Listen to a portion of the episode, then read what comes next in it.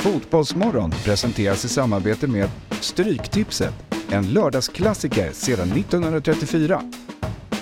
Telia, samla sporten på ett ställe och få bättre pris.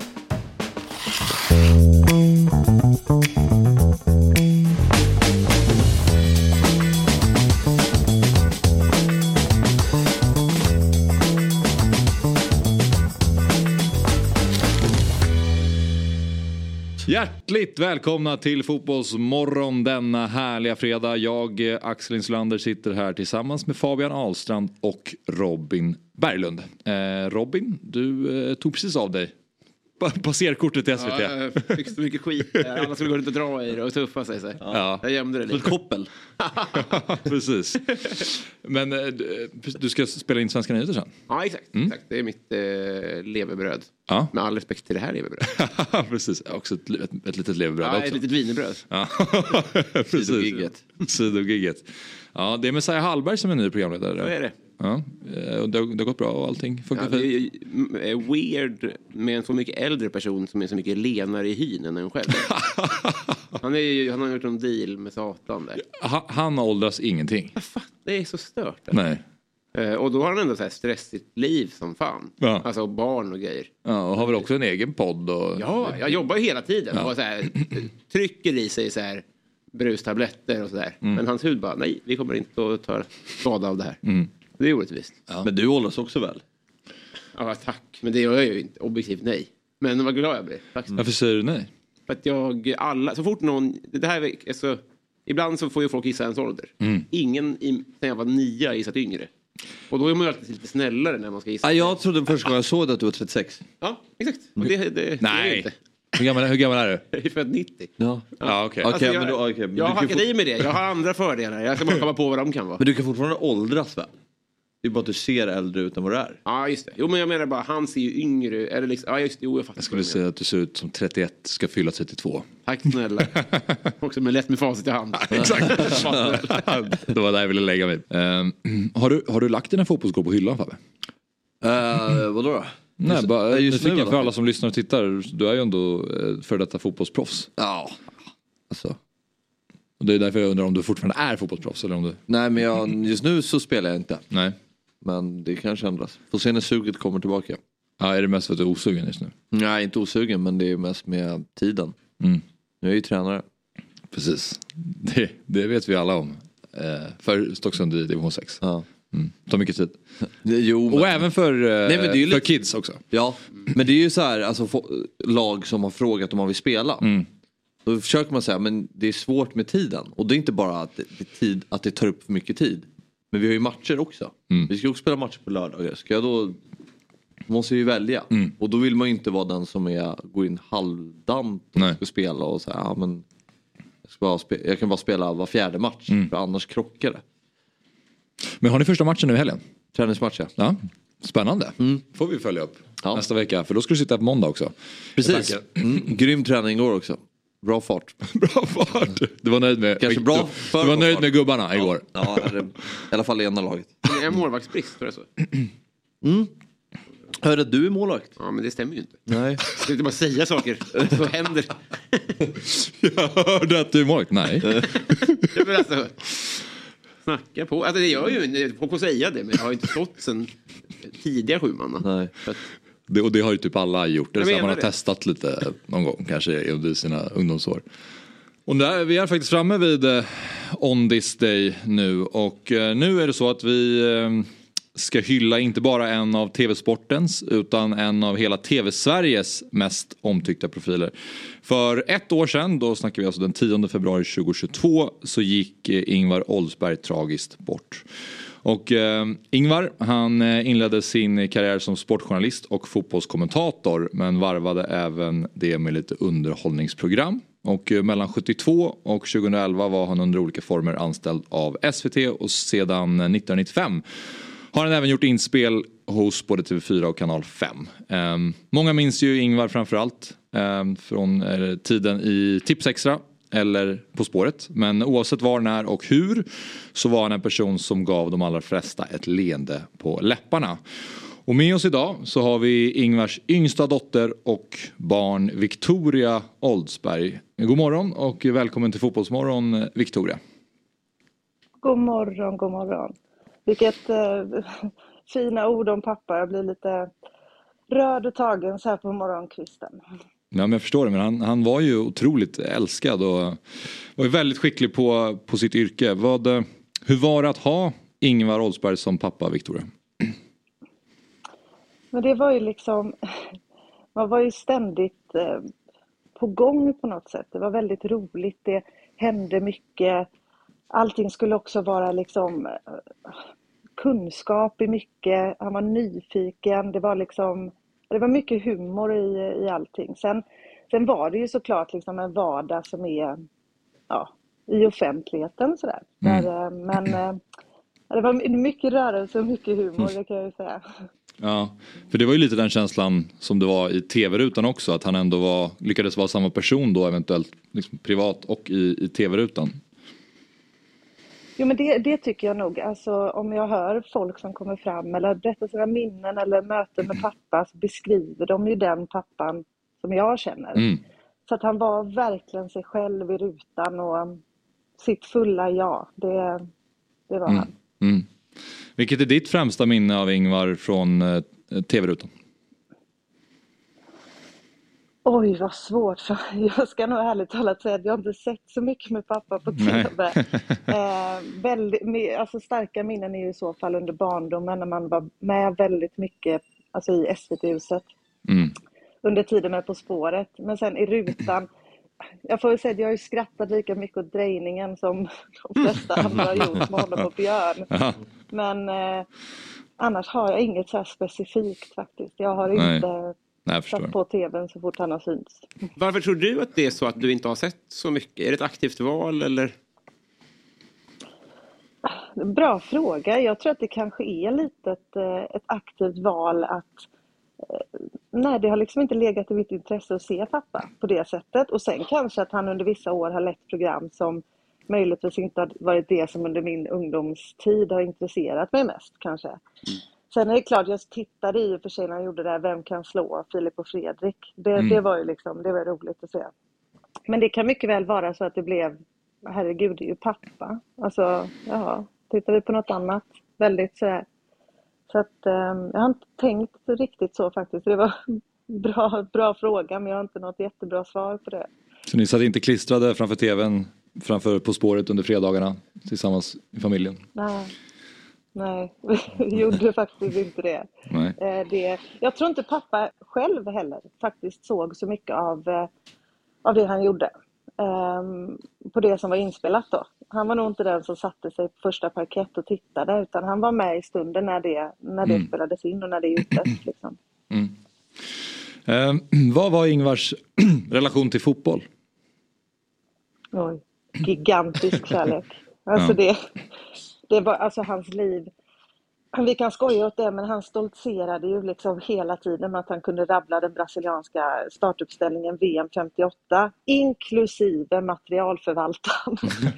och sen var det ju, det var ju fotboll, fotboll, fotboll. Och det vet jag ju att det har varit sedan han var en liten pojk. Det, mm. När han var liten i Mölnlycke har ni säkert hört på något vis, men när han satt och refererade fotbollsmatcher på cykeln till och från skolan till den mm. graden att de ringde hem till min farmor och sa vad är det för fel på den där lilla pojken? eh, och sen har det liksom ständigt varit närvarande. Tittat på fotboll, bettat på fotboll, jobbat med fotboll. Mm. Eh, så det var ju absolut stora intresset i hans liv. Mm. Det här kanske är vida känt, men vilket, var det något särskilt lag som han höll på? Ja, det var West Ham. Ja, okej. Okay. West mm. Ham. Om jag inte tänker om jag säger fel nu. Det vore ju för här. Men det var West Ham eh, och sen så var det ju IFK Göteborg i så fall mm. jag ska ta något Göteborgslag.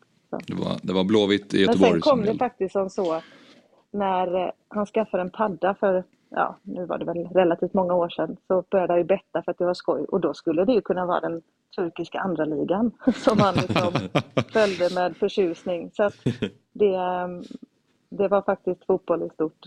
Ja, jag förstår. Ehm, berättade han någonsin om vilket program han tyckte mest om att göra under sin eh, långa tv-karriär? Nej, inte riktigt så, men jag tycker att det kan framgå lite att han kanske tyckte lite extra om tid. Alltså Tipsextra tror jag var en väldigt rolig tid Mm. faktiskt. Med både kollegor och på kanske atmosfären på TV-huset då eller, och att han fick jobba med just fotbollen. Det, och sen var ju självklart På spåret och att eh, han gjorde ett program där han besökte Europas huvudstäder. För där fick han väl också kombinera det här resandet och kunskap. Men Mm. Tipsextra tror jag var något speciellt. Mm. Hur mycket påverkade hans fotbollsintresse er eh, barn? Han, boll har ju ändå varit... Det var ju viktigt att man gillade idrott och bollar. Det, det var ju ganska tydligt. Sådär.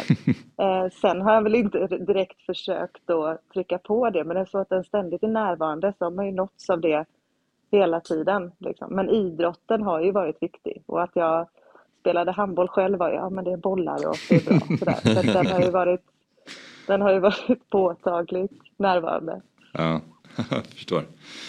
Vad, eh, vad tror du det var som gjorde Ingvar Oldsberg så pass folkkär?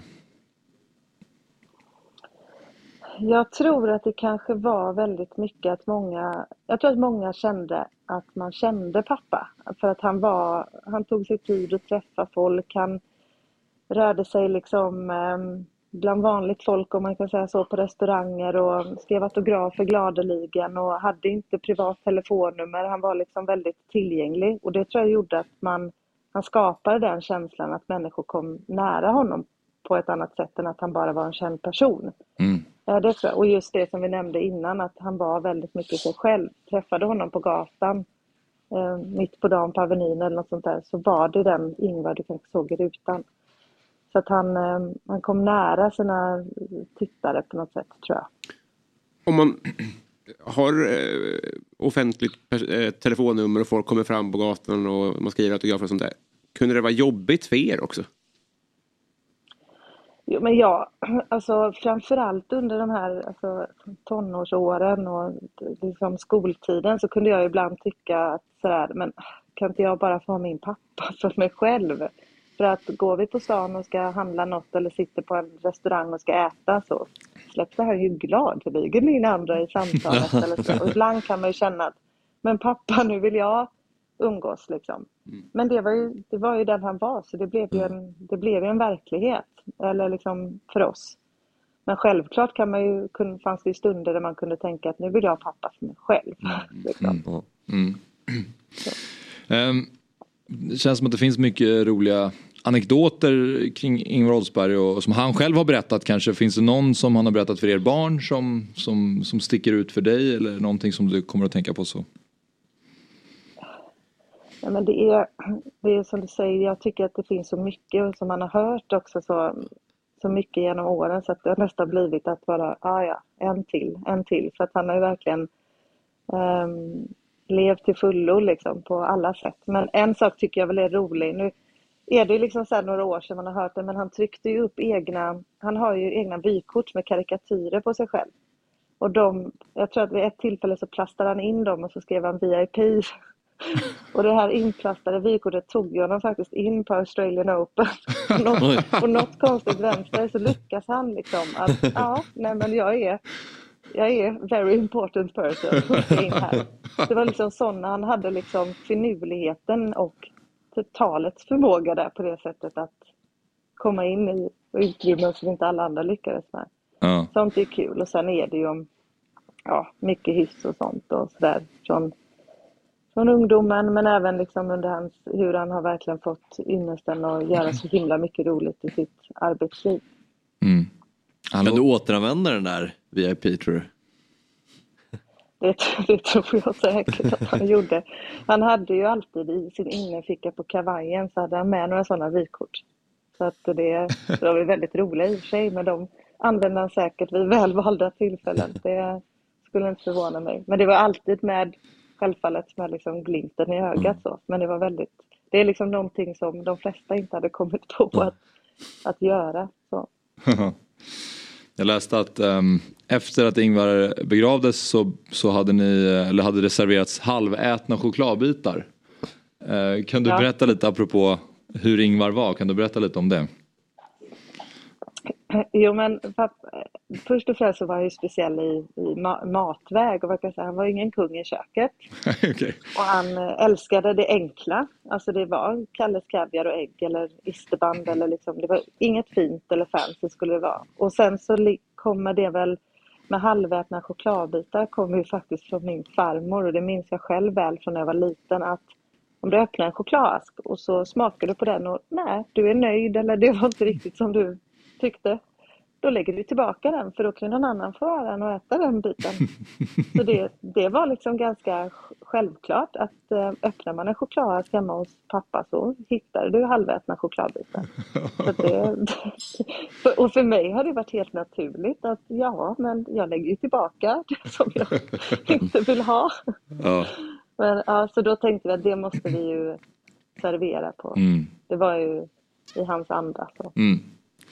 Ja, det låter ju underbart fritt att bara kunna göra så. Ja, men jag, jag är halv, jag är nöjd. Utgått från att det var ett barn i familjen om det var i min familj. Alltså, det, är ja, precis. det är så otroligt oväntat. Lägga tillbaka. Ja, ja. Jag hör också när ni säger det högt att det låter lite märkligt men jag har inte tyckt det tidigare. nej, nej, jag förstår. Mm. Ja, nej men eh, han var otroligt fin eh, Ingvar Oldsberg och tack Victoria för att du var med oss här i morse och pratade eh, om honom.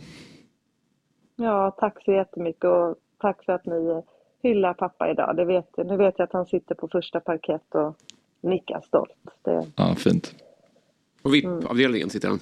Med sitt VIP-kort. Ja, ja. Precis, självklart. tack Victoria. Fotbollsmorgon gör detta avsnitt i samarbete med Telia. Och eh, vi vill passa på att berätta att nu när slutspelet av Champions League drar igång och Premier League är tillbaka hos Telia igen, då kan du verkligen samla alla sporter, matcher och ligor på ett ställe. Och det här stället vi pratar om är ju den fantastiska tjänsten Telia Play. I appen Telia Play kan du streama alla matcher live eller i efterhand om du skulle vilja det. Ja, och förutom alla sportsändningar så kan du såklart se alla filmer och serier som finns hos Viaplay, Simor och Telia. Du kan också lägga till HBO Max utan extra kostnad. Ja, nu kan man verkligen samla allt innehåll från Viaplay, Simor och Telia på ett ställe. Dessutom ingår alla matcher från Allsvenskan ifrån Discovery+. Och priset då? Jo, det är kostnadsfritt i en månad. Därefter kostar det 749 kronor i månaden. Du sparar alltså över 500 kronor per månad jämfört med med att köpa tjänsterna separat. Helt oslagbart. Tack Telia som är med och sponsrar Fotbollsmorgon.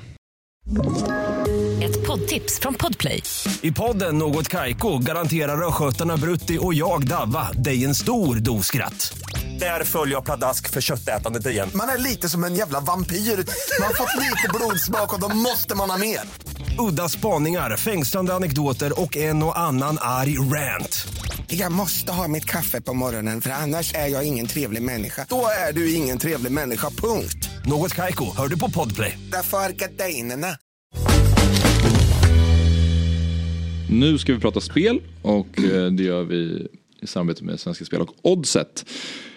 Förra helgen, eh, då var jag nära med min eh, trippel. Två av tre satt. Ehm, Just det. Jag hade ju då att det skulle bli en jäkla massa, ah, tack som fan. massa mål i Wolf, Wolfsburg mot Bayern München och det blev det ju. Mm.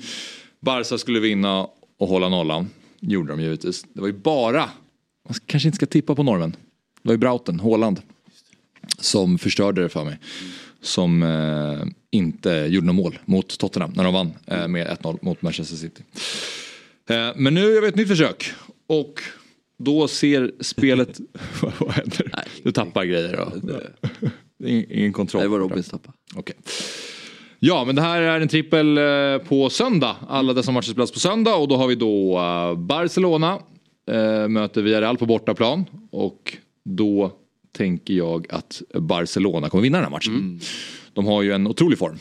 Sju raka segrar, de ångar på i La Liga. De släpper in väldigt få mål. 1,75 tycker jag är trivsamma odds. Mm. Ja verkligen. Jag tittade den senaste matchen. Jag tycker de fortsätter se ruggigt starka. Och nu har man ju nu fingrar man ju på den där titeln. Mm. Man har lagt ena handen runt pokalen så den kommer de nog inte släppa. Real Madrid förlorade mot Mallorca. Exakt. Så att nu har de ökat avståndet ner till uh, Real Madrid också. Och Lewandowski var ju avstängd men har varit uh, tillbaka och mm. gjorde mål. Uh, Så att eh, han, han är igång och eh, Barcelona är igång. Rafinha börjar komma igång också. Ja, Rafinha var ja. riktigt bra. Mm, börjar lära sig gå i djupled.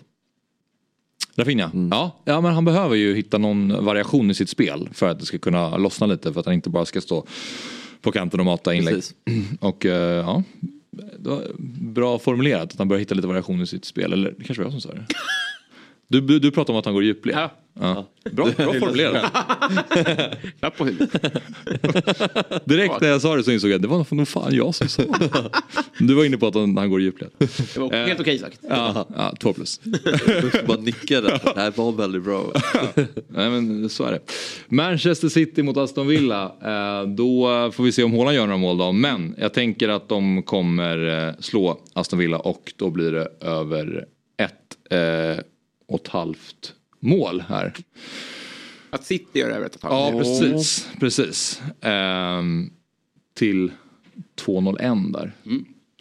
Och ehm, Mm, eh, jag, tänker, jag tänker bara att de torskade senast mot eh, Tottenham. Men de slog också Wolverhampton innan eh, komfortabelt. Så att de är fram och tillbaka. Och de är ett annat lag på hemmaplan. Än vad de är på bortaplan. Haaland är en annan spelare på hemmaplan. Han har, gjort väldigt, alltså alla, han har väl gjort fyra hattricks. Vad jag tror att alla har varit på hemmaplan. Eh, så då är de eh, mycket, mycket starkare än eh, vad de varit. Eller vad de är på, på bortaplan. Jag tror också att eh, spel eller inte liksom, men när det händer något fruktansvärt i en klubb. Det är typ alltid att man studsar tillbaka och vinner direkt.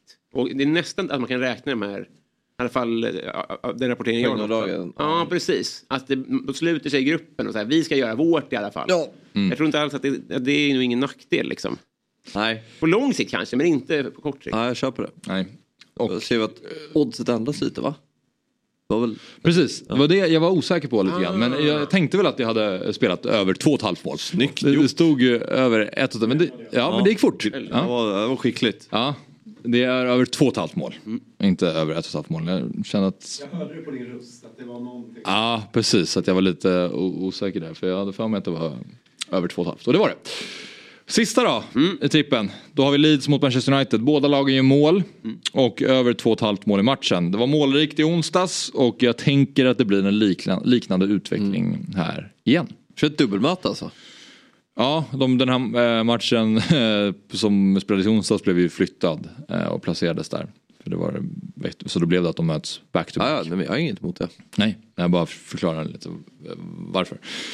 Men eh, det är ju, vad heter det, rosornas, rosornas match. Ja. Eller något. Det ju, finns ju rivalitet där. Enorm rivalitet va? Ja. En av de största rivalmötena i England. Men går lite under radarn eller? Eller är det bara jag som tycker det? Men det blir väl lite så att man liksom, de, de, folk tycker att de största rivalmötena är mellan de bästa lagen. Mm. För oss i Det Sverige är det svårt att känna en rivalitet mellan ett lag som ligger på under halvan och Manchester United. Det är inte så att vi tycker att det är en supermatch. Mm. Det är den moderna fotbollen. Ah, det, men jag vet inte. Det är väl mer man bor i ett annat land och sådär. Men det är väl ett ganska det är historiskt ett hatiskt möte. Jo, Ja. precis. Eh, jag tror det. Känner du till det här? Ja, ja, ja jo, jo. Men jag, jag fattar också att det sportsliga spelar såklart in om man hatar de andra eller inte. Om man har mindre att spela för och sånt. Ja, Precis. ja exakt. Men det blev 2-2 senast. Och eh, jag eh, tänker som sagt att... Det är närmare 4-4 än 1-1. Ja, gud ja. Jävlar vilken... Grym, grymt rolig match. Ja, precis. Ja, men eh, ni, ni verkar ändå inte helt eh, skeptiska till min trippel. Nej. Lita på dig. Ni litar på mig? Bra. Ja, men jag får revansch. Eh, och jag, jag ska framförallt ta revansch. Och eh, om man blir sugen på att rygga spelet då så kommer Otto skicka upp en QR-kod i bild här eh, alldeles strax. Och eh, annars så kan man gå in på dob.one slash oddset. Så att eh, gå in och rygga trippen eh, där. 6-18 gånger pengarna landar den på eh, totalt. Och Stryktipset är en produkt från Svenska Spel, Sport och Casino AB. Åldersgräns 18 år och har du problem med spel så finns stödlinjen.se. Välkomna tillbaka till Fotbollsmorgon denna fredag. Eh, Jag heter Axel Inslander och sitter här tillsammans med Fabian Ahlstrand och Robin Berglund. Och eh, nu... Jag gjorde en mic drop här innan, nu får han sota för det. Hade man kunnat göra i paus kan man tycka, men nej, då läste han Ulf Lundell. ja, precis. Under pausen hade du kunnat ta upp dem där. Men då, jag- då satt du och bläddrade lite i, i vardagar. Nej, men eh, nu ska vi prata om Super League. För nu är det på tapeten igen då. Enligt flera europeiska medier så är nu en eh, ny form av Super League eh, eh, på gång. Enligt medierna ska då Real Madrid, Barcelona och Juventus ha kontaktat ett 50-tal klubbar för att organisera en europeisk superliga för att ersätta Champions League. Och enligt uppgifterna så ska projektet innehålla då 60 till 80 lag i olika divisioner. Denna gång utan permanenta medlemmar. Och det här ska resultera då i 14 matcher per lag per säsong. Till att börja med bara, vad, vad, vad, vad känner ni när ni hör den här idén? Känner ingenting. Nej. Ska, nej. Alltså, blir det så så kommer man väl titta lite då och då. Nu tror jag inte att det kommer hända på några år men tycker ändå att Premier League är på väg åt det hållet så då vill jag, då vill jag hellre se de bästa möta de bästa eh, Mm. världen över. Och eh, istället för Champions League-formatet som jag kan tycka kan bli lite tråkigt ibland, framförallt gruppspelen. Nej men... Jag fattar nej, inte, de, har, de ska byta ut Champions League-formatet nu till en lång serie. Ska det bara vara i tre år då? Så kommer någon ny skit? Eh, Ja, det, det, är, det är lite oklart tror jag. Det är inte riktigt bestämt För, exakt. för vad- det är väl spikat? Att det här är väl typ sista året med Ja, gruppspel? ja, det, då, precis. De ska göra om Champions League-formatet. Ja, Ja. Och Ja. sen ska de skrota Champions League till ett ytterligare format, alltså 14 matcher. Ja. Okej.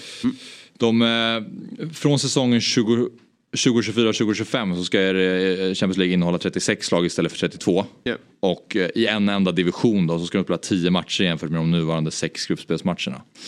Eh, Det är ju det som Uefa har planerat. Men eh, nu ska ju Super League komma in och böka.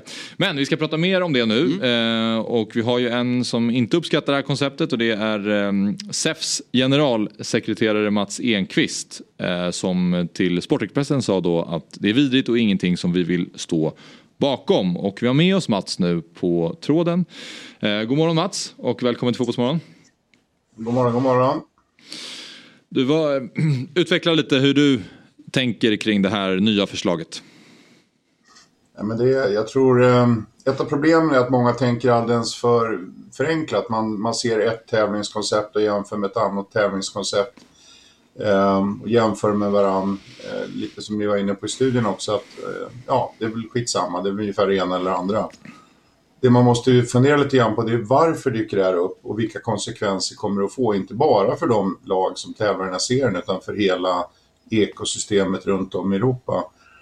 Skälet till att Super League kommer igång, kom igång eh, kan man ju säga att kritiken mot till exempel Uefas sätt att hantera Champions League har ju varit att de allra största klubbarna får väldigt mycket av det välstånd som Champions League skapar. Det, det är lite paradoxalt. Det här var ju Lennart Johansson som var med och var pappa till Champions League. Det är ju egentligen ett koncept som ger väldigt mycket pengar och uppmärksamhet utöver det vi jobbar med i ligorna nationellt då, då, till fotbollen. Vad hände med det konceptet?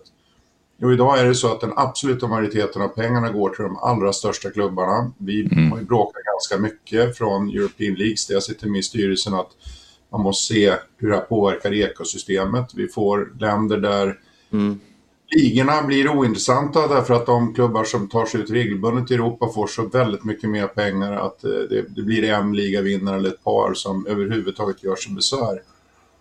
Och samtidigt är det så att i Uefa-konceptet kan vi ändå påverka. Vi har ju sett till att det finns numera en cap för de största ligorna så de får inte hur mycket pengar som helst. Vi har diskuterat solidarity payments och det har ökat. När jag började på SEF då fick vi ungefär 3 miljoner till våra föreningar att dela på. Eh, de klubbar som är i allsvenskan. I år får vi 80 miljoner att dela på. Och då måste man ju fatta varför bryter sig de största klubbarna ut? Vi ser storklubb efter storklubb har ekonomiska problem nu, vilket är ju absurt med tanke på hur mycket pengar de har. Men de spenderar på spelarlöner. Man tävlar om att rekrytera de allra bästa spelarna till fantasisummor för att kunna ligga kvar i toppen av det här systemet. Och nu när det börjar diskuteras begränsningar i det här, därför att det slår sönder ekostrukturen i hela fotbolls-Europa, då blir klubbarna sura och bildar en egen arbetsgrupp med de allra största i spetsen. Först var det 20 klubbar, nu ska det bli 80. Det, det är ju verkligen snällt av dem. Eh, Men man ska inte tro någonting annat än att det här är ett system att kunna agera vidare för att just säkra de allra största klubbarnas intäkter. Och effekten av oss, så vi som står ändå för smörrebröd verkligheten här hemma i Sverige där, Mm. där vi har 32 föreningar i Allsvenskan och Superettan som till stor del måste livnära sig på tv-avtal, sponsoravtal etc. Vad händer om man släpper det här fritt till en privat aktör? Ja, inte fasen kommer de att, att reglera sig själva och skicka ut mer pengar till andra ekosystemet eller ens fundera över vad det får för påverkan när vi ska sitta och göra våra lokala tv-avtal, hur det funkar med våra kalenderdagar och vad Degerfors eller Sirius eller Mjällby eller för den skull AIK, Hammarby, Djurgården, Malmö, Göteborg drabbas av det här. Det här är girigt och, och, det är en reaktion på att vi har börjat få begränsningar i Champions League. Att de rikaste inte ska ha hur jävla mycket som helst. Mm. Så jag är väldigt frustrerad över det här. Det är, det är verkligen ett flagrant slag i sidan där man liksom försöker kortsluta fotbollssystemet med alla sina brister där vi ändå får vara med och diskutera för att garantera att man själv ska kunna styra. Och så säger man lite snällt, det är 80 ska vara med, det, är öppet. Jo precis, det här är samma klubbar som för några år sedan eh, drev igenom frågor som att klubbar som var anrika skulle få eh, fasta platser och inte riskera att åka ut. Eh, det, det, här är helt galet. Mm. Uh, och redan dessa klubbar som har drivit igenom också sådana här faktorer som inte många vet om. Att om en anrik klubb vinner Champions League får du mycket mer prispengar än om en klubb som till exempel lite mindre kommersiellt anrik som Ajax, som vi ändå tycker är en stor klubb med massor av anor. Då får de mindre pengar Ajax än om Barcelona vinner. Och om Feyenoord skulle vinna får de ännu mindre pengar. Och skulle mot förmodan nu i modern tid någon av våra föreningar ta sig hela vägen upp och göra som till exempel Göteborg gjorde och Malmö var i final förut, vilket är nästan omöjligt idag. Eh, då skulle de få en bråkdel av pengarna som de största får. Alla de här ojämlikheterna, det slåss vi för. För det finns ändå ett demokratiskt forum att diskutera med Uefa. Mm. Det här, trots att man får så enormt mycket pengar i systemen, vill man nu bryta ut och göra en egen privat liga av där ingen kommer ha inflytande annat än storklubbarna. Nej, jag säger det är naivt om man inte ser hur det här skulle förstöra ekosystemet. Det är, det är därför jag skriker till i alla fall. Mm. Kan man inte låta de åtta, nu är jag djävulens advokat här för jag tycker det låter rimligt. Kan man inte låta de tolv största jättarna rycka sig loss från ekosystemet och göra sin grej då? För det känns ju fortfarande som att det, det, slits isär mer och mer med det system vi har nu också.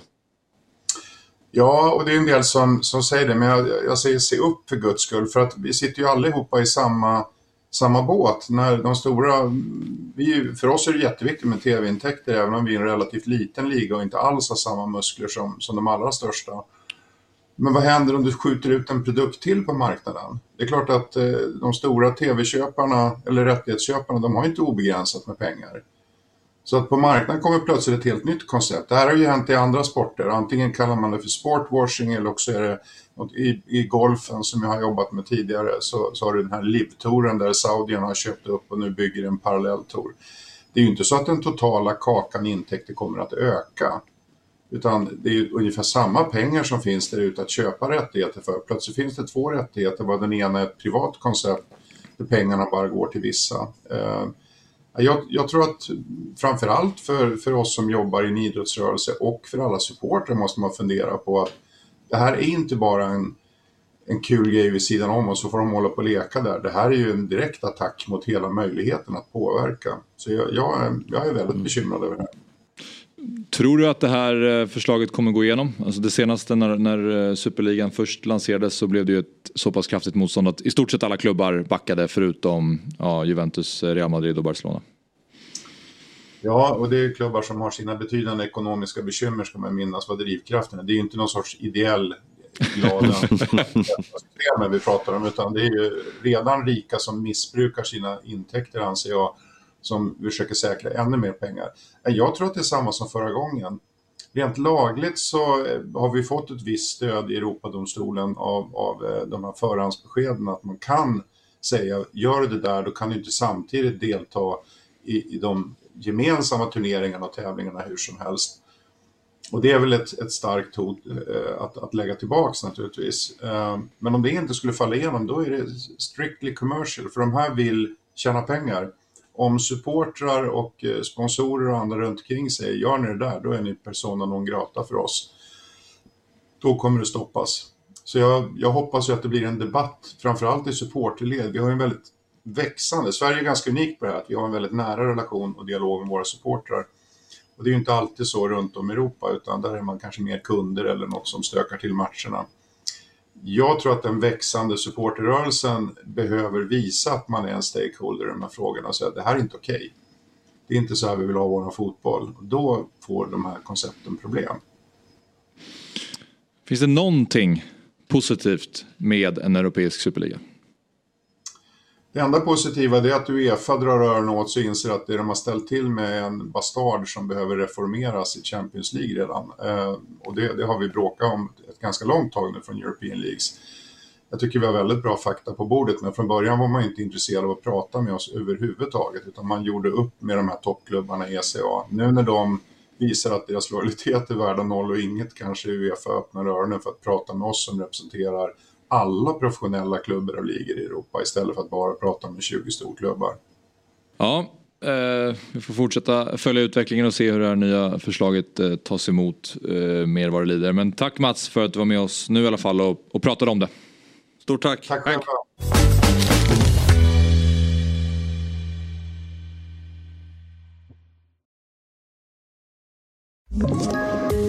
Poddtips från Podplay. I podden Något Kaiko garanterar östgötarna Brutti och jag, Davva, dig en stor dos skratt. Där följer jag pladask för köttätandet igen. Man är lite som en jävla vampyr. Man har fått lite blodsmak och då måste man ha mer. Udda spaningar, fängslande anekdoter och en och annan arg rant. Jag måste ha mitt kaffe på morgonen för annars är jag ingen trevlig människa. Då är du ingen trevlig människa, punkt. Något Kaiko, hör du på Podplay. Därför är gardinerna. Nu ska vi se om eh, vi har Hoppas. Olof Lund, eh, är du med oss? Nej, med, men det är så jävla dåligt nät. Eh, På hotellnätet funkar, men det funkar inte. Jag vet inte om ni hör mig. Jo då, vi hör det. Det hoppade till lite men vi kan testa i alla fall får vi se om det, om det flyger.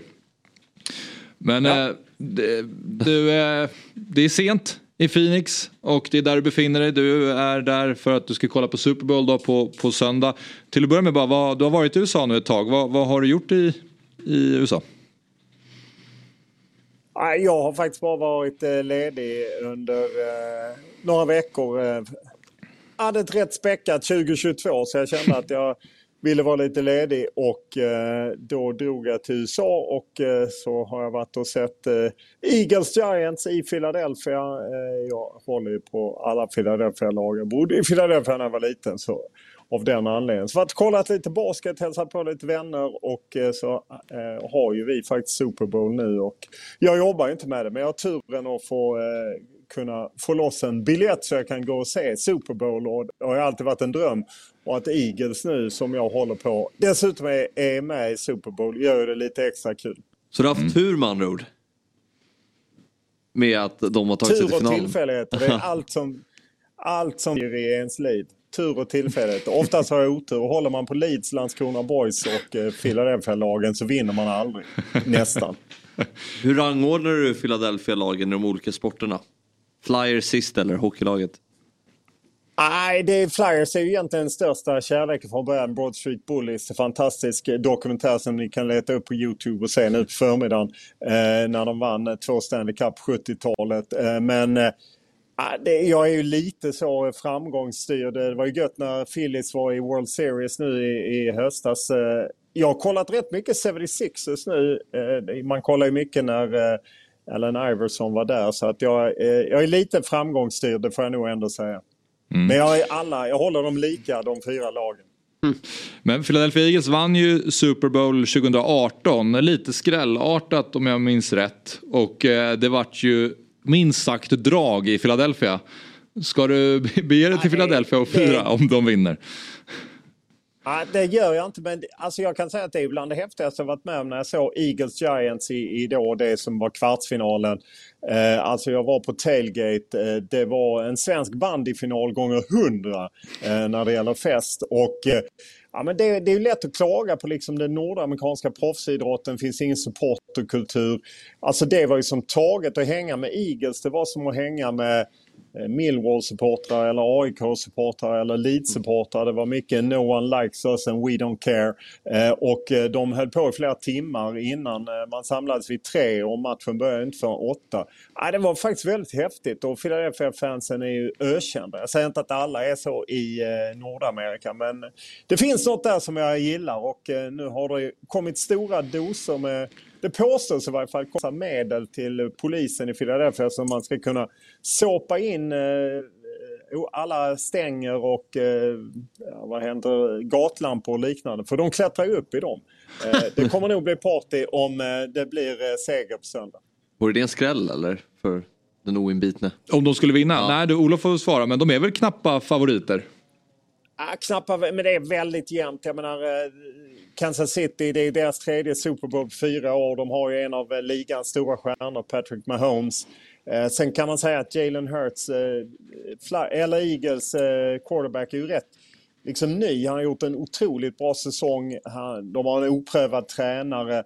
Men de har gjort en väldigt, väldigt stark säsong. Så att det sägs vara ja, men väldigt jämnt. de mer bettingkunniga vet ju att det är tätt, lite favoritskap för Philadelphia. Men samtidigt, eh, Kansas City Chiefs har ju gjort det otroligt bra de senaste åren under en gammal eh, eh tidigare Philadelphia-coach Andy Reid. Och det är ju egentligen två snackisar inför den här finalen. Första gången är det två bröder som möts, bröderna Kelsey, eh, centern i Eagles och tight end i Kansas Chiefs. City. Det har aldrig hänt tidigare i Kansas mm. City Chiefs. Och sen är det två svarta quarterbacks. Har heller aldrig hänt eh, med Holmes och Jalen Hurts. Aldrig heller varit så två så unga quarterbacks. Eh, och där ser ni ju folk som eh, åker på de här stängerna och liknande. Det är, ja, det är galen fest. Det är, bara därför vill man ju att Philadelphia ska vinna. Mm. Ja, Olof, finns det en renhet i det här supporterskapet för dig? För jag tänker att, vad jag förstår, du var på VM 94 som supporter. Eh, och sen har du ju rapporterat, du, nu jobbar du kring fotbollen. Det går ju inte att hänge sig på samma sätt som du kanske kunde när du var ung. Här jobbar du inte mer. Kan du vara liksom en riktig jävla supporter här och liksom älska spelarna på ett sätt som man kanske inte kan göra när man jobbar med det? Ja, det är ju en stor skillnad. Men jag menar, det är ju som när jag, om jag ser Leeds på plats och jag är där som supporter för att inte få jobba. Så det är klart att det finns ju en annan renhet, det blir en annan eufori. Och jag menar, det klippet som ni la ut från eh, som jag la ut från eh, när jag satt på en sportbar i, i New York och såg eh, Eagles eh, 49ers. Där är ju liksom det är man ju inte nära när man jobbar med det. Utan på januariturnén? otroligt häftigt. nej, på januariturnén. Eh, nej, men det är man inte nära. Det är ju den euforin och galenskapen som åtminstone jag vill åt och som jag tror de flesta vill åt. Att man Mestadels så är det ju förluster men ibland får man uppleva det otroliga med en seger. Och eh, ja, det är det jag hoppas på eh, på söndag. Mm. De, de, har ju ändå de har haft ett bättre slutspel än, än Chiefs och körde ju över både Giants och 49ers. Och 2018 så hade de ju sitt, sitt specialspel, det blir lite väldigt amerikanskt mm. fotbollsnördigt här, men deras Philly, Philly Special. Tror du att det kommer få se något liknande på söndag? Ah, jag vet inte om det blir en Philly Special, men de, Sirianni fick ju, deras coach fick mycket beröm för att han Eh, Eh, i en av de här slutspelsmatcherna när de hade en fourth down så körde de ändå. Istället för att panta så gick de och, och fick en ny first down. Och på något sätt på så sätt eh, satte tryck på dem. Så att de gör ju lite sådana saker och eh, nu är det mycket It's a Philly thing som körs där egentligen ingen riktigt vet vad det betyder men det var Jalen Hurts som sa och eh, de, ja, det, det kommer mycket Philadelphia-supportrar till Phoenix för att, att festa nu i helgen och de hoppas få kröna det med en Super Bowl-triumf, bara den andra. De har faktiskt varit i fyra, eller tre Super Bowl tidigare. Detta blir fjärde. De var väl en gång, det var ju då 2018 när de slog Patriots och Brady och ja, eh, då, det var ju verkligen en skräll. De hade ju sin andra quarterback, Nick Foles. Den första var ju skadad. Så att, eh, mm. det var en stor skräll. Nu är det mm. mer jämnt. Nu har vi med oss eh, Marcus Leifby. Hur mycket ringer vi och stör dig just nu Marcus? Ja, det är inte så farligt. Jag har klarat av det mesta på morgonen här. Jag har stigit upp, eh, fått iväg tre barn, gått ut med hunden, strykt, Oj. bytt eh, motorolja på bilen. och så vidare. Jag är klar för idag. Otroligt. Skönt att bara gå och lägga dig igen då. För tidszon du befinner dig i. Ja. vad, vad har du för relation till dart? Ja men ingen, fast jag var, jag var sugen på att åka nu i, i julas här faktiskt. Jag har tänkt flera år att man borde åka dit. Eh, varje år så upptäcker jag att jag har fan inget pass som jag har förnyat. Så att det skiter sig alltid. Eh, men nästa, nästa år ska jag åka. Okej. Blir det några inslag då också? Eller bara under... Jag vet bara... inte vad det, eh, Ja, du menar om jag åker privat eller i tjänsten så att Ja, säga? i snett inåt bakåt. Ja, jag Anda. att, ja, ja, det skulle man också kunna göra i och för sig. Ja, jag tänker väl att någon jävel får betala för resan. Eh, så får man nämna någonting. Eh, ja, men det verkar vara skitkul, verkligen. Sådär, bra drag. Eh, upptäckte det för några år sedan. Eh, hade kontakt med presstjänsten där som var skittrevliga sådär. Jag var välkommen. Tror jag, det senare var ett stort event i Köpenhamn. Eh, som jag också missade. Mm. Eh, ja, ja, vi kan väl åka tillsammans kanske. vi hör det bra Marcus. Ja, nu ser vi det igen. Jag vet inte om det var någonting med kameran. Den verkar sättas på och av Ah, lite. ja, ja, ja, ja. Oh, förlåt, Ja. förlåt, förlåt, förlåt, förlåt. Det är Det är jag som pillar lite här. Ja, nej, men nu ser vi det fint här. Men du, eh, Marcus, vi har pratat lite om Ingvar Oldsberg. Eh, för att under fredagarna så har vi vårt moment som heter On this day. Och på den här dagen för, för ett år sedan så gick Ingvar Oldsberg bort. Eh, hur, hur såg din relation till Ingvar ut, Marcus? Ja, eh, jag tror inte jag sett På spåret sen han eh, sen de bytte programledare där. Det säger väl någonting kanske. Eh, för mig så var ju Ingvar, eh, det- fanns ju ett gäng eh, på, på den tiden eh, som kallades för Hylands pojkar. Det var Fredrik Belfag, det var Ingvar Oldsberg, det var Lars-Gunnar Björklund och det var Tom Engstrand.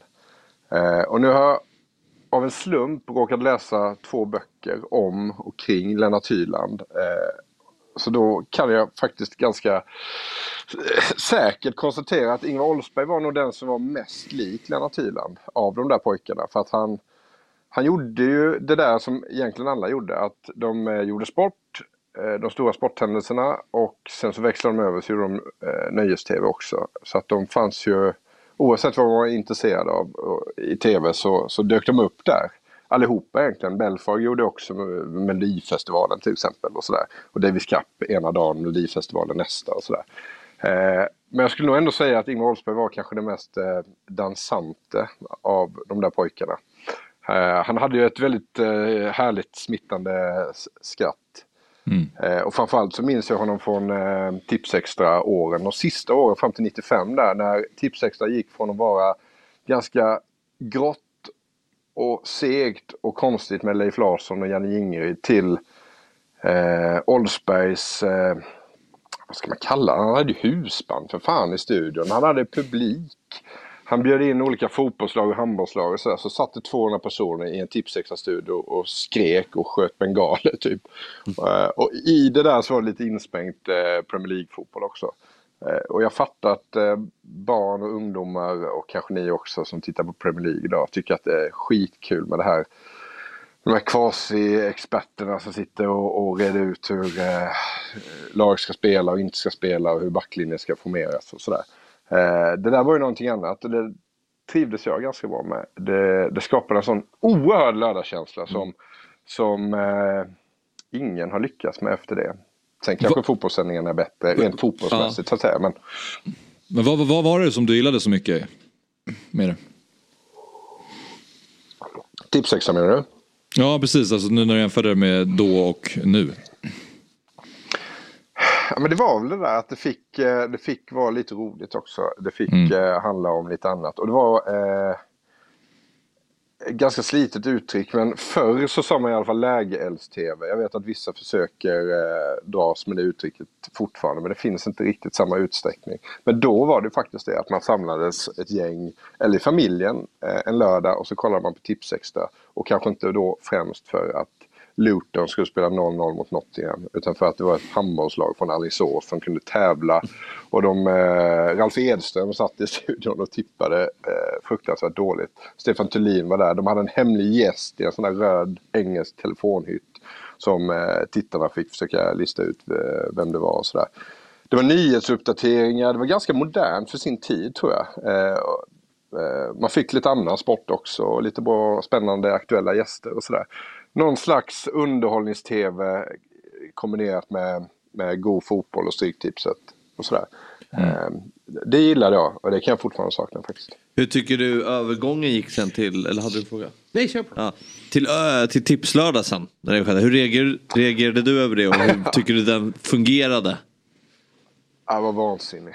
Nej då. Eh, det var väl helt okej, för det var lite samma, samma typ av eh, lägels-tv. Det här lite...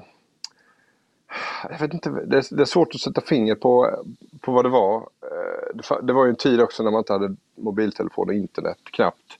Men när man verkligen så här, eh, kunde känna av hur jävla mycket lördag det var. Man visste att det var lördag men man behövde också någon i tv som talade om det för en. Att helvete vad mycket lördag det är nu.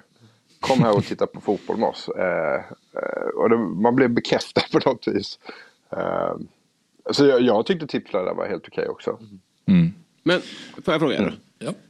Är inte, jag, på ett sätt tänker jag att fotbollen eller livesporten är, har liksom kanske är den sista lägels-tvn som finns eftersom den går just live. Att folk slår sig ner på ett sätt, ja, men förvisso på spåret, men man kan ändå se det på play när man vill. Liksom. Det, det, det finns inte så mycket kvar av den typen av grejer. Ändå upplever jag att eh, alltså, chansen att en, en sån som vi tar Rickard Henriksson då, att han skulle inte bli julvärd. Den sti- stigen kanske är igensopad nu som, som Ingvar Oldsberg kunde gå. Skulle det, går det att gå från sporten till underhållningen nu tror du? Eller är det liksom vattentäta skott mellan dem? Ja, men bra fråga. Eh, vem var den sista som gjorde det steget? Eh, Granqvist, eller? Kanske. Ja, just det. Eh, ja, Lasse Granqvist, gör han underhållning? Det känns som att han skulle kunna leda en vanlig gala, men jag vet inte. Han kanske inte gör det. det Man känns ändå väldigt mycket sport fortfarande. Men Jihde har ju verkligen, verkligen lämnat sporten. Nu är han väl kanske tillbaka i den men visserligen, men gått lite emellan i alla fall. Ja, men det var ju väldigt vanligt på, ja, men egentligen från, från 60-talet och framåt med Hyland då, som, hade, som är den största tv-personligheten vi har haft. Eh, hade fruktansvärt mycket tittare och sådär. Men sen gjorde ju Tom Engstrand samma sak. Han ledde ju Zigzag och Rassel och kommenterade och refererade de största idrottshändelserna. Och Oldsberg gjorde samma sak. Eh, man kan ju verkligen se Oldsberg framför sig. Han kommer liksom så här lite jassande in och så kanske han glider fram till baren de där sista två meterna på sina lågskor. Och knycker till med höften lite sådär. Och oerhört dansant. Och sen lekte han alltid sådär med bri- eh, brillorna också. Han såg ju ut lite som Lennart Hyland jämfört med Fredrik Belfag och Lars-Gunnar Mm. Björklund och Tom Engstrand. De hade ju hår till exempel. Det hade ju inte Ingvar Oldsberg och det hade ju inte Lennart Hyland heller. Och sen mycket det här med glasögon och så här. Det kan man ha så här, jag klarar ju inte att göra det för då sätter man ju den i ögat. Så. eller, eller bryter man de här skalvarna. Men han var väldigt så här, upp där, eh, ner, ner där i papperna och skratta lite och sen upp igen. Och så där. GV så ju det också. Lennart Hyland också på. Ja, ja, det är sant. Han är ju fullständigt unik i slag i och för sig. Va? Eh, Arne Hägerfors var ju också en sån där, han var ju inte en av Hylands pojkar men han, han det sägs ju då att när han var som störst på SVT så hade han ju den, all, all stor sport och lördagsunderhållningen. Eh, så när sporten frågade var Arne Hägerfors höll hus eh, så tänkte de så här, han är nog på nöjet. Och när nöjet undrade var fan han höll hus så tänkte de så här, han är nog nere på sporten. Så han kunde ligga hemma på soffan och vila istället. Det var alltid någon annan som trodde att han var liksom utlånad någonstans. Nu är han säkert där och jobbar. Så han kunde ligga hemma och glassa istället. Om man ska bli stor profil så måste man ha otrolig glasögonkontroll. Det är lite den, det är den slutsatsen jag drar. Ja, du får öva lite på det. Sitt kvar för Fotbollsmorgon är inte slut än. Vi håller ju på med en liten genomgång av eh, Champions League-lagen eftersom att eh, Champions League drar igång på tisdag. Nu lämnar du mig sticket här. Och eh, under eh, den kommande veckan och eh, det som har skett så har, har vi kollat lite på de olika lagen som är med nu i slutspelet då. Och de, de 16 lag som är klara för slutspelet och deras chanser att vinna kommande match, kommande dubbelmöte och eventuellt då hela turneringen. Vi har betat av PSG, Manchester City, Tottenham och Milan och idag så har turen kommit till de tyska giganterna Bayern München. Om vi då tittar lite på resultaten i gruppen för Bayern München så kan man väl säga att de städade av den där gruppen rejält. Ja, nej, så är det ju. Och det är ett Det är en tuff grupp på förhand. Ja, på förhand ja. Men Barcelona är ju inte det Barcelona de är just nu. Uh, notera att det är en match här där de är inblandade där båda lagen gör mål. Annars är det... Ja, borta mot Victoria Pilsen. Ja, annars är det idel nollor. Men... Vill, eh, vill du höra en otrolig liten eh, rad av, som de har? Skramlat ihop till Bayern München. De har alltså vunnit 13 raka gruppspelsmatcher i Champions League. Ja. Och de har 34 raka matcher utan förlust i gruppspelet. 31 av dem segrar och eh, tre kryss. Ja, Ja, det ligger lite i klubbens DNA. Att man vinner. Varje fotbollsmatch ska man ut och vinna. Eh, Alltså, förstå när man lottas mot det här laget. Att just att är så här, de, de vinner inte varje år eh, turneringen men de är, de, de bara städar av de här grupperna utan problem. Och då, som sagt, det är ett Barcelona som visserligen hade lite försvarsbrister under hösten eh, men är bättre än vad man varit på, på några år. Och eh, vi har ett Inter som har blandat och gett men det är en på förhand väldigt tuff grupp som de gör slarvslut med. Ja, verkligen. Uh, så är det. Och, eh, det är, men det är som vi pratade om senast här nu att det, det är väldigt länge sedan det här eh, gruppspelet avgjordes. Mm. Alltså med tanke på VM-uppehållet och sådär. Och nu ska man upp igen. Och, eh, ja, trots det här så fick man ju en ganska tuff motståndare i, slutspelet. Men jag, eh, ja, väldigt öppet känns det som. Mm. Ja, det är spännande. De eh, möter ju PSG, men vi kommer till det. Hur deras eh, grupp slutade då? Vi tar väl och tittar på gruppen. Som sagt, de vann ju samtliga matcher så vi har sex matcher spelade, vi har sex vinster. 18 gjorda mål, två insläppta. Eh, 18 poäng av 18 möjliga. Så att, återigen, det är liksom inga konstigheter. Ehm, sen, det, det var ju ett tag sedan nu, ehm, de här matcherna. Och de har ju... Sladdat lite i ligan. Ja, men efter, efter uppehållet så började de ju med tre raka 1-1 matcher. Och då tänkte man att de kanske inte riktigt är igång eller Nej. i fas. Ehm, Nu vann de ju senast på 4-2 va? mot Wolfsburg, ja. den matchen som jag hade med i min eh, trippel där. Ehm, och sen vann de i kuppen med 4-0 tror jag. Så de har ju gjort åtta mål nu på de två senaste matcherna. Så att ehm, nu, nu känns det som att de är igång. De börjar hitta in i det. Verkligen. Ja. Jag, jag håller väl dem som knappa favoriter mot på PSG. Ändå. Uh, dock så tror jag att eh, PSG är en lurig motståndare för dem. Mm. Eh, eller lurig, det är klart de är det. De har ju två av världens bästa fotbollsspelare. Men jag tror det kommer bli öppet. Jag tror att det kan bli ja, väldigt svängigt. Jag tror oavsett resultat i första mötet så tror jag att det kan leva in i det sista här. Mm. Men för trots de här tre kryssen inledningsvis efter att de startade igång igen. Så känner man ju aldrig sig riktigt orolig. Nej. Alltså det behövs mer än så. De har ju inte förlorat någon match så, men, men för att man ska känna att nu har de tappat lite. Eller nu är de någon, även om Union Berlin i ligan ligger strax efter. De har inte dragit ifrån i ligan så de gör kanske inte sin bästa säsong. Men eh, de är alltjämt Bayern München. Ja. Mm. Det, är där, det är där jag landar i alla fall.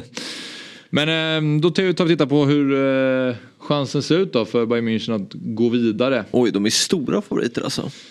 Att gå vidare. Det är- 1,57. Det förvånar mig lite ändå. Eh, faktiskt. Att det är så låga odds på att Bayern ska gå vidare. Mm. Men jag tror att, jag tror att så PSG är ju de är lite mer oklara i sin status. Ja. Bayern München är ju tryggare Europalag på något sätt. Ja. Ja. Trots uh, världsstjärnorna. De förlorade ju PSG mot Marseille här senast i cupen dessutom. Ja, men sånt där tycker jag inte. Sånt där är, påverkar ingenting. Här. Nej, sånt där är... Jag tror att det, det spelar noll roll när de här kliver ut mot varandra. Ja, men jag tänker på deras form liksom. Ja, men det, att de förlorar mot eh, Marseille tror jag inte spelar någon roll här. Nej. Nej det är ändå en tävlingsmatch. Alltså det, Vi pratar ju om att det, det är en turnering som de vill vinna tänker jag. Mm. Alltså den franska cupen. Att det inte bara, det är ändå lite skillnad på om det hade varit en ligamatch. För de leder ligan, de, kan, de har råd att förlora en match men att åka ut. Alltså de vill ju vinna så många pokaler som de kan. Men tycker du M57 är representativt Nej, jag tycker kanske att det är eh, lite jämnare eh, än så. Men eh, jag, jag, jag håller bara München som favoriter. Det, det gör jag nog ändå. Men eh, det kommer bli en otrolig match. Det är ju en av de man ser Nej, men det är ju emot. sån där, alla. alltså, eh, led, vinner PSG med 3-0 hemma.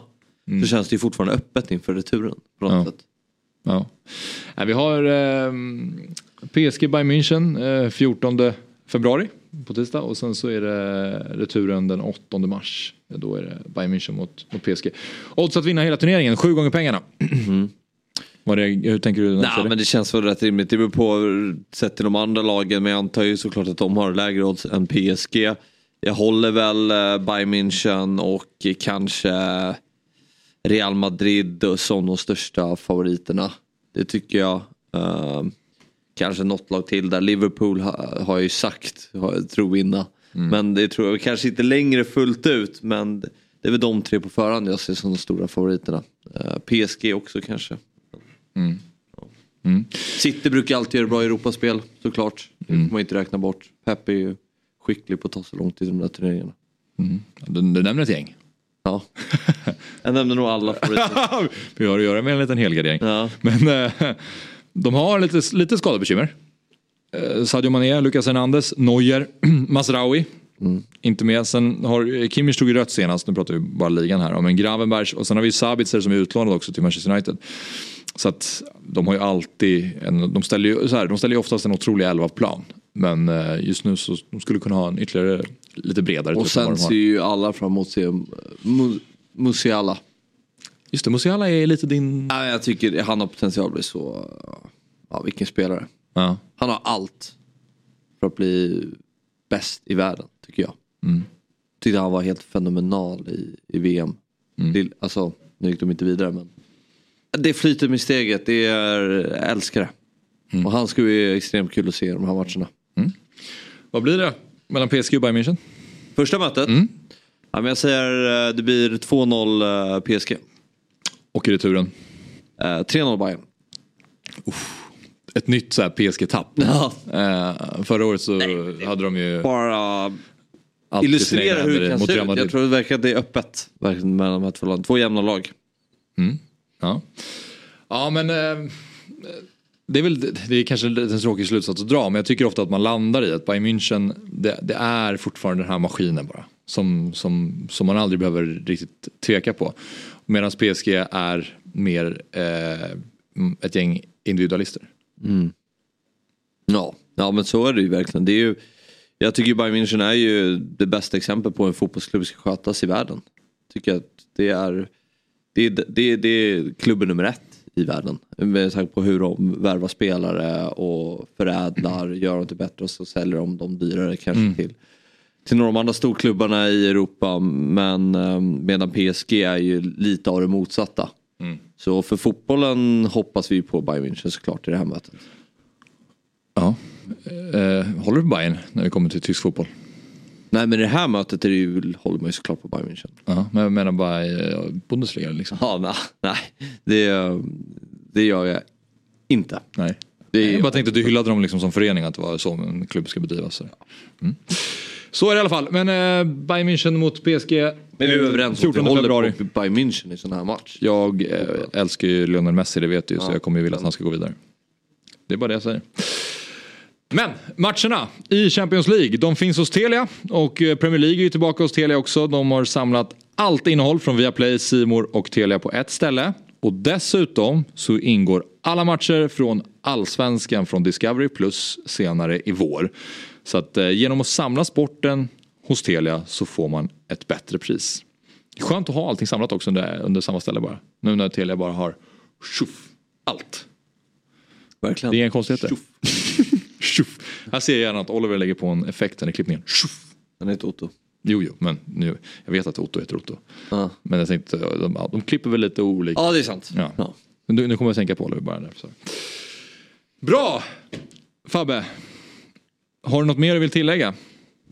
Nej, jag tycker det var br- bra. Det var ju roligt med, jag tycker det var intressant med Mats Enqvist. Fick ju en liten uppläxning där. Att, eh, Precis, att, Att man det kan på- inte bara låta dem sväva iväg. att det, ändå påverkar påverka. oss. Mm. Ehm, även trots hur allergisk jag är mot den europeiska toppfotbollen. Eh, så, och väldigt kul med, med alla gäster.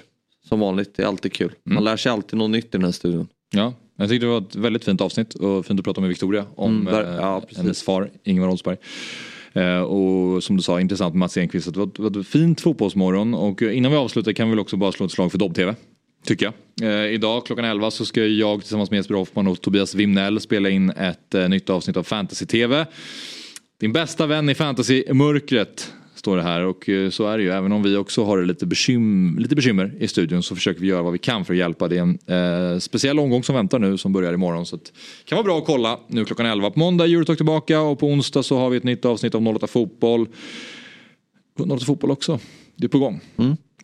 Så det händer mycket på Dobb-TV. Eh, glöm inte bort det. Stort tack för idag och tack för den här veckan. Vi är tillbaka med ett nytt Fotbollsmorgon imorgon. Eh, fotbollsmorgon lördag. Då börjar vi ju klockan 10 och avslutar klockan 12. Och då är det du och jag och Sabri Sovaksi och Fabian Jalkemo. Eh, och dessutom så börjar ju Tips-SM. Imorgon. Laddad? Faktiskt. Mm. jag känner det, jag känner elektriciteten i luften så fort jag nämnde det. Men det tar vi mer om imorgon. Stort tack för idag. Bara, och det, du ville säga något mer? Tisa bara lite. Det kommer ruggiga gäster på måndag. Det gör det, det gör det. Måndag kommer bli ett pangavsnitt också. Och du kommer gilla gästerna. Det är en duo som kommer. Vi lämnar det där. Ja, vi lämnar det där. Kanske Sveriges hetaste duo. Precis. så är det, det är, det är faktiskt, du har inte fel i det. Hetaste duon sen Sedinbröderna. ja. Nu är vi klara i alla fall. Tack för idag och tack för att ni har tittat. Eh, Fotbollsmorgon lördag börjar imorgon klockan 10. Hej! Fotbollsmorgon presenteras i samarbete med Stryktipset, en lördagsklassiker sedan 1934. Telia, samla sporten på ett ställe och få bättre pris.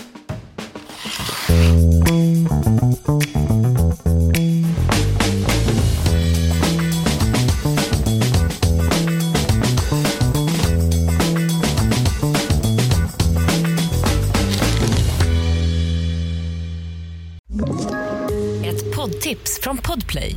I fallen jag aldrig glömmer djupdyker Hasse Aro i arbetet bakom några av Sveriges mest uppseendeväckande brottsutredningar.